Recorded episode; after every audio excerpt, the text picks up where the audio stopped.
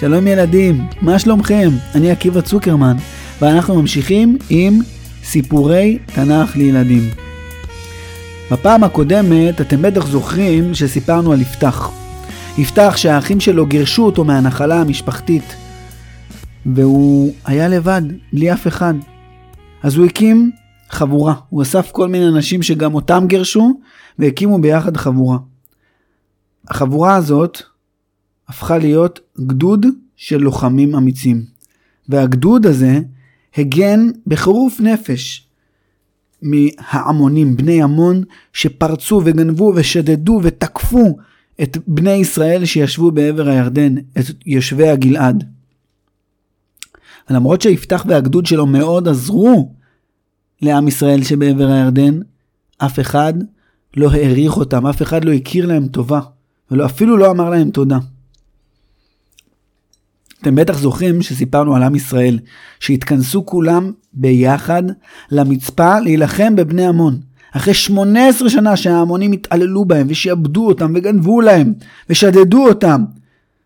וכל הלוחמים שהיו שם מאוד רצו להילחם אבל לא היה להם מפקד שיוביל אותם ואף אחד מהלוחמים ומהאנשים החשובים שהתכנסו במצפה יחד עם כל עם ישראל אף אחד לא הסכים לקחת על עצמו לפקד על הצבא ולהוביל אותו כולם פחדו ואף אחד לא הרגישו מספיק חזק ומספיק אמיץ ומספיק טוב בשביל להוביל את הצבא למלחמה נגד בני עמון. מה הם עשו? הם הבטיחו הבטחה. מי שיסכים להיות המפקד של הצבא, יהפוך להיות ראש הגלעד. וואו, תפקיד חשוב ומכובד. אבל למרות ההבטחה הזאת, אף אחד לא היה מספיק אמיץ להוביל את הצבא במלחמה. ופתאום למישהו עלה רעיון. אנחנו מכירים לוחם מאוד אמיץ. אנחנו מכירים את יפתח. נבקש ממנו להיות המפקד שלנו ולהוביל את המלחמה. עשו משלחת של האנשים הכי חשובים בגלעד. הם באו לפתח, ואמרו לו, יפתח, יש לנו הצעה בשבילך, בוא תהיה המפקד של הצבא ותוביל אותנו במלחמה נגד בני עמון. אבל מה שהם לא הציעו לו, אתם בטח זוכרים שסיפרנו על זה, הם לא הציעו לו את ההצעה שלהם להפוך להיות ראש הגלעד. יפתח שמע את ההצעה הזאת והרגיש מאוד מוזר. עכשיו אתם באים אליי? כל השנים גירשתם אותי, לא התייחסתם אליי, לא הכרתם לי טובה על העזרה שלי. פתאום אתם צריכים אותי, עכשיו אתם באים? אנשי גלעד התביישו מאוד. אמרו לו, אתה צודק, זה באמת באמת לא יפה, אבל תקשיב, אנחנו ממש חייבים אותך עכשיו, בבקשה בוא תעזור לנו ותוביל את הצבא, תצטרף אלינו, תיקח על עצמך את הפיקוד של הצבא.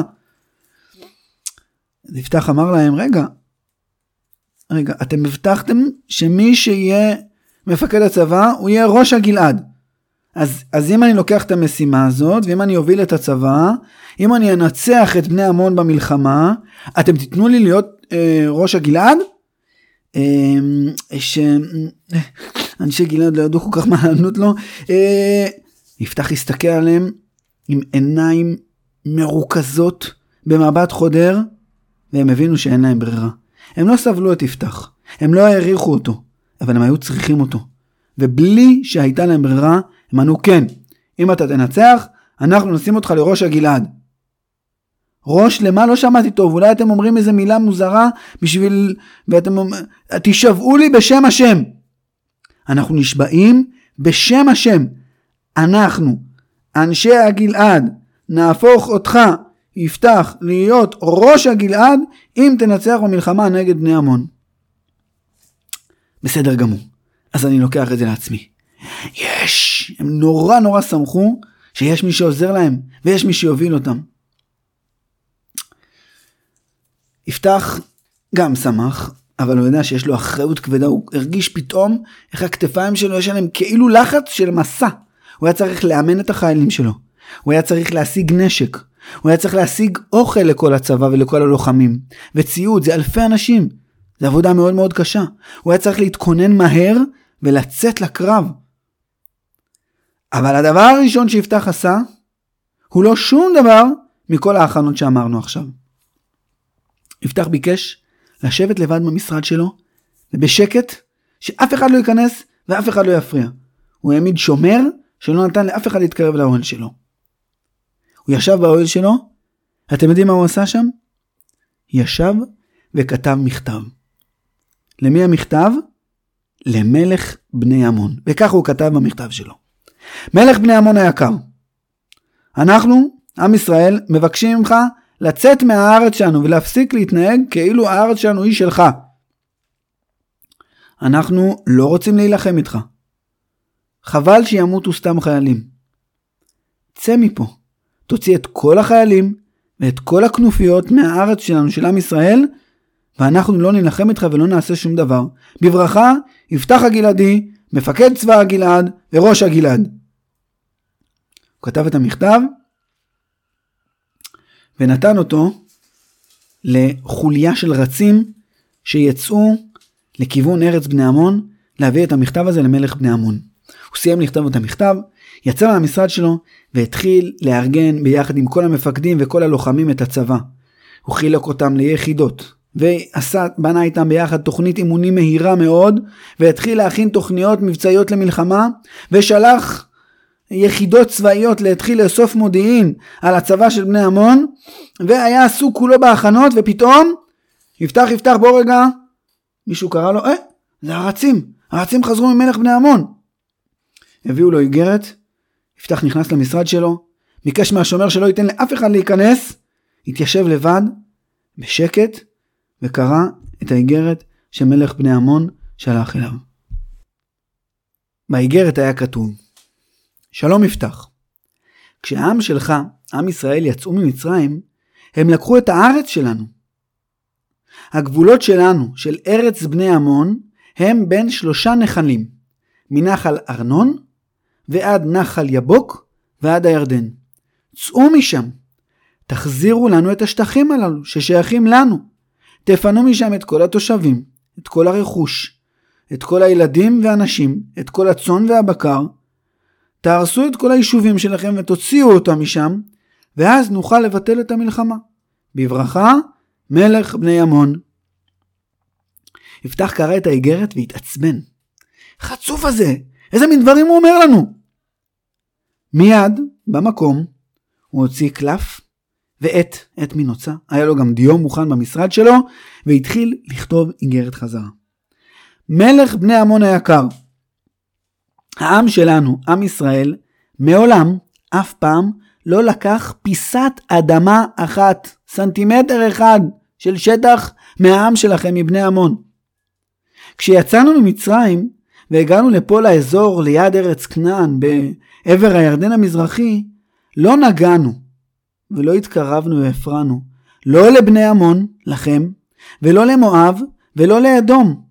עשינו סיבובים גדולים בדרך לארץ כנען בשביל לא להיכנס לשטח שלכם בלי רשות. האב שלכם, האב של בני עמון, קראו לו בן עמי. הוא היה הבן של לוט. לוט היה אחיין של אברהם אבינו. האב שלנו, של עם ישראל. אתם, בני עמון, הבנים של בן עמי ולוט, אחיין של אברהם, אתם קרובי משפחה שלנו. לא נגענו בארץ שלכם אף פעם. בשטח שיש יישובים שלנו, בשטח שהשבטים שלנו יושבים בו, ישב פעם עם אחר, לא בני עמון בכלל. למלך שלהם קראו סיחון, סיחון מלך האמורי. והם יצאו לקראתנו למלחמה. משה רבנו ביחד עם יהושע וכל עם ישראל נלחמו איתם באומץ, ניצחו אותם ולקחו את הארץ, וזאת הארץ שבה אנחנו יושבים היום. ארצו של סיחון מלך האמורי, לא ארץ בני עמון. אני יודע שפעם פעם פעם, עוד לפני המלחמות של משה רבנו, עוד לפני שיצאנו ממצרים, סיחון מלך האמורי כבש את השטח שבין שלושת הנחלים, שבין הארנון והיבוק והירדן, כבש אותו מכם, מבני עמון. אז מה, אנחנו לא לקחנו לכם שטח, אנחנו לקחנו אותו לסיחון מלך האמורי. בכם לא נגענו ולא רצינו לגעת. השם, אלוקינו, נתן לנו את הארץ הזאת. הוא הוציא אותנו ממצרים. הוא ליווה אותנו במדבר. הוא קרא לנו את הים. הוא עזר לנו לנצח את סיחון מלך האמורי. ולכן הארץ הזאת שייכת לנו ולא לכם. בברכה, יפתח, ראש הגלעד ומפקד הצבא. השליחים של יפתח יצאו לדרך במהירות והביאו את האיגרת למלך בני עמון. מולם, מיד, במקום, מלך בני עמון פתח את האיגרת, קרא עם העיניים שלו במהירות את כל השורות האלה, ואז נעמד והתחיל לצעוק על השליחים של יפתח. אמר להם, תעופו מפה, תחזרו מהר למנהיג שלכם. אני לא רוצה לראות אתכם פה יותר. אם יגיעו לפה עוד לוחם אחד של יפתח, או שליח אחד של יפתח, אני אהרוג אותו. עוף, טוסו מכאן ברגע זה, לפני שיהיה מאוחר מדי. מאז, יפתח ומלך בני עמון לא דיברו יותר. כשהשליחים הגיעו חזרה למחנה ישראל, למצפה, יפתח הבין שאין ברירה. הגיע הרגע וצריך לצאת למלחמה. הצבא שלו כבר היה מאומן, מאורגן ומצויד. כולם היו מוכנים וידעו מה הם צריכים לעשות. לכולם היו כלי נשק מתאימים. והם יצאו לדרך בטורים ארוכים, בשקט בשקט, הם יצאו למסע. הם חצו את נהר הירדן, הם עברו את הגלעד, הם עברו את מנשה, והתקרבו לאט לאט לצבא העמוני. הם היו צריכים כבר עוד שעה או שעתיים להתחיל בהתקפה, ויפתח הלך בשקט בדרך בין כל הלוחמים שלו, וחשב כל מיני מחשבות בלב. בהתחלה הוא חשב לעצמו, אני אנצח אותם בקלות. אני מכיר את השיטות שלהם. אני יודע להילחם מצוין. נלחמתי הרבה מאוד פעמים. עשיתי את זה בצורה טובה מאוד. יש לי ניסיון קרבי, אין להם סיכוי מולי. ואז הם התקרבו עוד יותר. והרגע שבו הם היו צריכים להתחיל את ההתקפה, היה כבר ממש קרוב. ופתאום יפתח פחד. פתאום הוא הרגיש בבטן התחתונה שלו איזשהו רעד כזה בבטן, שהלך והתפשט לו בכל, ה... בכל הבטן ובכל הגוף של פחד. ואז הוא אמר לעצמו, יואו, אני, אני, אני חייב עזרה, אני חייב שהשם יעזור לי במלחמה הזאת.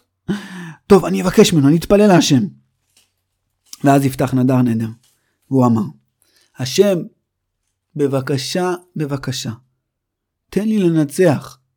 אם נתון תיתן את העם הזה בידי, אם אני אנצח אותם, אז כשאני אחזור הביתה שלי מהניצחון, הוא אמר את זה בקול, אנשים שמעו, הראשון שיוצא מהבית שלי, ואז הוא הגביר עוד יותר את הקול, והוא אמר בקול רם כדי שאנשים מסביבו ישמעו, הראשון שיצא מהבית שלי, יהפוך להיות קורבן עולה להשם. יאללה, אפשר להתחיל במלחמה. אבל מה היה במלחמה הזאת? מי ניצח? יפתח הצליח לגבור על בני עמון? ומה היה עם הנדר של יפתח? איזה מין קורבן הוא הקריב בסופו של דבר? אנחנו נספר על כל אלה, בעזרת השם, בפעם הבאה של סיפורי ספר שופטים. תודה רבה שהאזנתם לנו. להתראות.